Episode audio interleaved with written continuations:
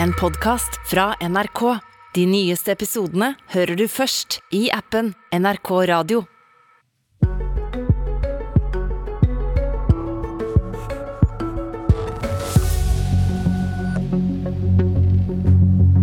Sylvi Listhaug, leder i Fremskrittspartiet, velkommen til Politisk kvarter. Tusen hjertelig takk.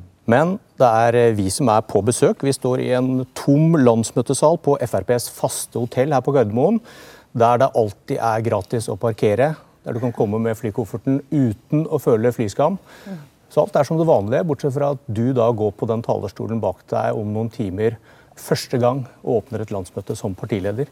Eh, En kjent politiker sa en gang noe av det minst farlige man kan være som politiker, er å være i opposisjon. Husker du hvem som sa det? Nei, det husker ikke jeg. Men eh, det jeg kan si, er at jeg Slemt åpningsspørsmål. Du, det, var din, det var din eh, forgjenger, Siv Ja. Jensen. Ja. Noe av det minst farlige man kan være som politiker, er å være i opposisjon. Hva, hva tror du var poenget hennes? Altså, det er klart at eh, Å være i opposisjon er en annen rolle enn å være i posisjon. Og så kan jeg legge til at jeg har i store deler av min politiske karriere vært i posisjon. Jeg var jo byråd i Oslo i nesten seks år, statsråd i fem år. Så sånn sett så er opposisjonstilværelsen ganske ny for meg. Men den er ikke ny for Fremskrittspartiet. Så det er klart vi har vært et parti gjennom alle år som har vært opptatt av å påpeke de utfordringene samfunnet står i. Og vi har god erfaring fra opposisjon. Du vil ha makt igjen. Hvem er dine allierte i stortingsvalget i 2025 som kan gi deg det? Altså det viktigste for oss eh, nå er jo selvfølgelig å jobbe for å skifte ut den sittende regjeringa. Med hva? Og, og vi har jo god erfaring med å styre med Høyre. Vi satt i fire år eh, og styrte sammen. Vi fikk et valg i 2017 som ga oss nesten samme oppslutning etter fire år. Og det er ganske fantastisk, rett og slett, også i en europeisk sammenheng. Men hvem skal skaffe deg flertall? Ja, nå er det tre år, over tre år fram til valget. Ja, men du må ha en plan. Ja, planen er at vi skal nå jobbe for at eh, Fremskrittspartiet skal bli større. At vi skal få bytte ut eh, regjeringa. Men så er det jo partiet som skal- ta stilling til strategien fram dit. eh, Og det skal de få lov til å gjøre i ro og mak. Men jeg tror jeg har et samla parti bak meg som mener at perioden med Høyre og Fremskrittspartiet fungerte meget godt. Vi venter i spenning på om det er Senterpartiet eller sentrumspartiene som du ikke er så glad i om dagen, som skal støtte dere. Hvis du da får flertallet med deg, så vil du skrote basepolitikken. Det hørte vi i, i Dagsrevyen i går. og Dette vil være et radikalt brudd med norsk forsvars- og sikkerhetspolitikk. Dere vil da si ja til allierte baser i Norge i fredstid. Hvorfor vil dette bidra til økt, økt sikkerhet for Norge? Det er fordi vi ser nå Russland, vårt naboland, eh, har utvikla seg i en svært negativ retning. Eh, De har invadert eh, Ukraina. Og det er klart at eh, med en så uforutsigbar nabo, ja, så må vi tenke på sikkerheten på eget land. Fremskrittspartiet har allerede foreslått at vi skal øke kraftig innsatsen og bygge opp vårt eget forsvar. Det er viktig. Men vi innser jo det at uansett hvor vi bygger opp, ja, så er vi helt avhengig av støtte fra Men Nato hvordan, våre hvordan vet du at baser i, at amerikanske eller allierte baser i Norge ikke bidrar til å øke spenningen med Russland og øke faren for konflikter motsatt av det du ønsker? Nei, altså, vi mener jo det vil trygge Norge. Og så er det jo Russland nå som er den aggressive parten. Eh, Det er jo baser både i Latvia og Polen, som også er naboland til Russland. Og det er viktig nå at Norge tenker på vår sikkerhet. Eh, Finland og Sverige er forhåpentligvis også på vei inn i alliansen. Og så er det sånn at vi har nå allerede eh, revurdert standpunkt som går mange, mange tiår tilbake i tid. Eh, Vi hadde en, en politikk fra 1959 som tilsa at vi ikke skulle sende våpen til Ukraina og andre land som er i, i en væpna situasjon. Skal- Det valgte vi å gjøre, og nå mener vi bare at det er på tide også å åpne for å skrote basepolitikken som går helt tilbake til 1949. Skal norsk lov gjelde på disse basene? Altså, det vil jo være allierte baser som da eh, nødvendigvis må ha muligheter for å, å operere som det de gjør i andre land. Eh, og, og Så det, så vi må ha samme policy selvfølgelig der som det man har i andre land. Kan det, Men- foregå, kan det foregå tortur på en sånn base uten at Norge kan gjøre noe? Altså nå, eh, de allierte som vi har, uh, har ingen grunn til å tro vil holde på med tortur på norsk jord. Vi har vel noe eksempel på at det har skjedd med våre allierte? har vi ikke det? Ja, altså, I andre land, altså i Latvia og Polen, der man har baser ellers, så er det i hvert fall ikke meg bekjent uh, foregått sånt. Men prinsipielt så kan vi ikke si noe. De kan gjøre det de vil på disse basene. Altså, her handler det om Norges sikkerhet trygghet, og jeg er helt sikker på at vi vil styrke vår sikkerhet ved å ha allierte baser. Tror du det har støtte i hele partiet? Ja, Det vil jo tida vise. da. Dette skal jo behandles. Eh, og da eh, får landsmøtet si sitt til, eh, til, det. Hvordan forklarer du at noen av dine sentrale politikere de siste årene har støttet det Putin gjør, eller vært villige til å akseptere resultatene av Russlands aggresjon? Ja, det er ikke vår Fremskrittspartiet sin politikk. Vi har alltid vært veldig tydelige på at vi fordømmer den type aggresjon. Eh, så det har vi eh, vært tydelige på også i offentligheten. Så alle henger med her, da. Eh, din utenrikspolitiske talsmann Christian Tybring-Gjedde har tidligere ment at Vesten gikk for langt i å fordømme Russland da de tok Krim fra Ukraina og åpnet for å anerkjenne Krim som russisk. Carl I. Hagen, tidligere formann, nå stortingsrepresentant, har sagt jeg forstår ikke hvorfor vi ikke kan akseptere at Russland tar Krim, der det bor mange russere. Og etter invasjonen i år har Hagen sagt at Donetsk og Lukansk kan bli russisk ved en folkeavstemning. Og PST har tidligere reagert på at stortingsrepresentant Tor André Johnsen har hatt et for tett kontakt med russiske etterretningsoffiserer. Og spørsmålet igjen, hvordan forklarer du dette? Hvor kommer det fra? Altså, må, altså, vår politikk den ligger fast. Og det at vi hele tida offisielt fra partiets eh, synspunkt har vært eh, kritisk til det Russland har foretatt oss. Og, Men du må jo være interessert i hvor, hvor kommer denne forståelsen og støtten til Putin fra? Som vi ellers kun kanskje finner helt ytterst på venstre fløy. Du må nesten snakke med de angjeldende om det. Det er dine sentrale politikere? Ja, part, ja, men Fremskrittspartiets politikk den ligger fast, og den, den har lagt fast hele tida. Vi er veldig tydelige på at vi fordømmer den aggresjonen som vi har sett Russland har holdt på med, og som nå er eskalert i en krig i Ukraina. Frp ekskluderer partimedlemmer som skader omdømmet til partiet. Skader det omdømmet at Carl I. Hagen støtter at Østerrike-Irina og Krim blir russisk? Fremskrittspartiet har vært så tydelig i denne saka her at jeg tror eh, alle har fått med seg at ja, men Nå svarer du ikke på spørsmålet. Eh, dere kaster ut folk, er ganske brutale ved å kaste ut folk som skader omdømmet til partiet. Har Hagen gjort det?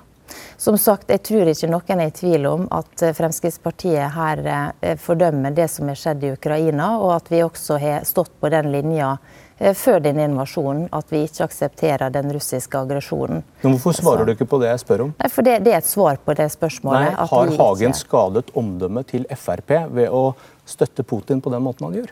Altså, det som han uttalte, uttalt, er ikke vært en del av partiets politikk. Og vi har da fått ut partiets politikk, som, som har vært en veldig kjent linje. Men, men, ta, eh, og det er, det er, svaret på det. Ta, eh, Geir, Geir Ugland Jacobsen han ble kastet ut av Frp for å ha skadet partiets omdømme. Han ønsket seg en nasjonalkonservativ retning, og han var kritisk til partiledelsen. Er, skader det partiets omdømme mer enn å støtte Putin? Det er saker som er behandla i Fremskrittspartiet. og Når man ikke innretter seg etter de eh, reglene som gjelder i en organisasjon, når man tar opp politiske spørsmål og taper og ikke innretter seg etter det, ja, så, så, må man nesten finne seg en annen organisasjon som støtter sine synspunkt. Er det din oppfordring til Carl I. Hagen? Nei, Carl I. Hagen har vært med i dette partiet siden starten. Han har bygd opp dette partiet eh, til, til store høyder. Eh, og han eh, støtter partiets politikk eh, selvfølgelig, og er en viktig bidragsyter i vår stortingsgruppe. Men det du da sier er at det er greit å ha disse holdningene i Frp? Uten at det får noen konsekvenser? Altså, Vi har vært veldig tydelige på i offentligheten at vi ikke støtter Carl I. Hagens synspunkt. Men han kan få lov til å si det? Som sagt, Vi har vært veldig tydelige på det, og, og derfor så tror jeg at alle ser hva Fremskrittspartiet sitt synspunkt er i disse sakene. Ok, da har du sagt det fem ganger. Da har vi fått det med oss. Det håper jeg, da. Mer Russland. Du, du, mener Norge må ta ansvar for å hjelpe Europa med å bli uavhengig av Putins gass, og da må Norge lete etter mer olje og gass. Hva betyr strømkabler til Europa for å hjelpe til med å bli mindre avhengig av Russland? Nei, altså, eh, det er klart at det at vi eksporterer strøm bidrar positivt. Men vi vil jo ikke være med på å eh, eksportere strøm som betyr kjempehøye strømregninger for vanlige folk i Norge og bedrifter. Og det som skjer nå, er at helt vanlige folk som aldri har hatt problem før, opplever at, at regningene går til inkasso. Bedriftene har ikke fått en krone i støtte. Og det er klart at for mange av dem kommer det jo etter hvert nå til å bli kritisk om de i det hele tatt overlever hvis dette fortsetter. Og det siste jeg vil si som er liksom på sikt dramatisk, det er at det med billig kraft det har jo vært et konkurransefortrinn for Norge. Som eh, kan gå tapt, rett og slett, hvis dette fortsetter. Og da står vi i fare for at arbeidsplasser flytter ut, som vil være selvfølgelig synd for norsk økonomi, men også for klima. For det vi skal huske på er at veldig mye av den produksjonen som vi har i Norge, er med lavere utslipp enn i mange andre land. Eh, så det vil være en tap-tap-situasjon både for Norge og for verden. Men vi snakket om å hjelpe Europa. Hvorfor vil du kun være solidarisk med Europa når det ikke koster oss noe? Altså, vi er norske politikere som er satt uh, til å eh, først og fremst eh, håndtere norske interesser. Men da handler det ikke om solidaritet når du vil ha gass til Europa, det handler om å tjene penger. Fordi hvis det hadde handlet om solidaritet, så hadde du kanskje vært for strømkabler som hjelper Europa med å bli uavhengig av altså, Putin altså, vi, også? Vi hjelper jo Europa storstilt gjennom gasseksporten. Og det koster om vi, oss ingenting. Om vi, hadde ingenting. Om vi hadde prøvd så mye vi kunne, så hadde vi aldri greid å bruke opp den gassen i Norge. Eh, vi, bruker, eh, bruker, vi har jo ren vannkraft i Norge, og den ønsker vi faktisk å, å, ta vare på her. Og sikre våre innbyggere lave kostnader.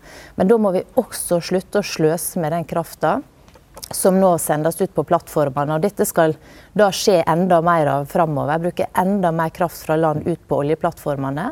Som betyr høyere regninger, og som betyr også at andre etableringer av andre arbeidsplasser på land det får man ikke til pga. mangel på nettkapasitet og mangel på, på, på, strøm. Så de andre partiene snakker om i festtaler at vi skal ha nye arbeidsplasser, vi skal leve av etter oljen. Men sannheten er at veldig mange av disse arbeidsplassene greier ikke å få på plass fordi man fører en hodeløs elektrifiseringspolitikk som da bidrar til å tappe strømmen. Ok, Vi starter med solidaritet og endte med Norway first? Ja, vi mener det er viktig å, å ta vare på våre interesser. Du, klokken halv tolv så åpner du landsmøtet som skal ta stilling til en rekke saker. Eh, F.eks. om laks, der din nestleder Terje Søviknes er en av dem som står bak et forslag om lakseskatt. Det har også kommet fram at Søviknes får betalt av et oppdrettsselskap for å drive lobbyvirksomhet. Er FrPs politikk til salgs?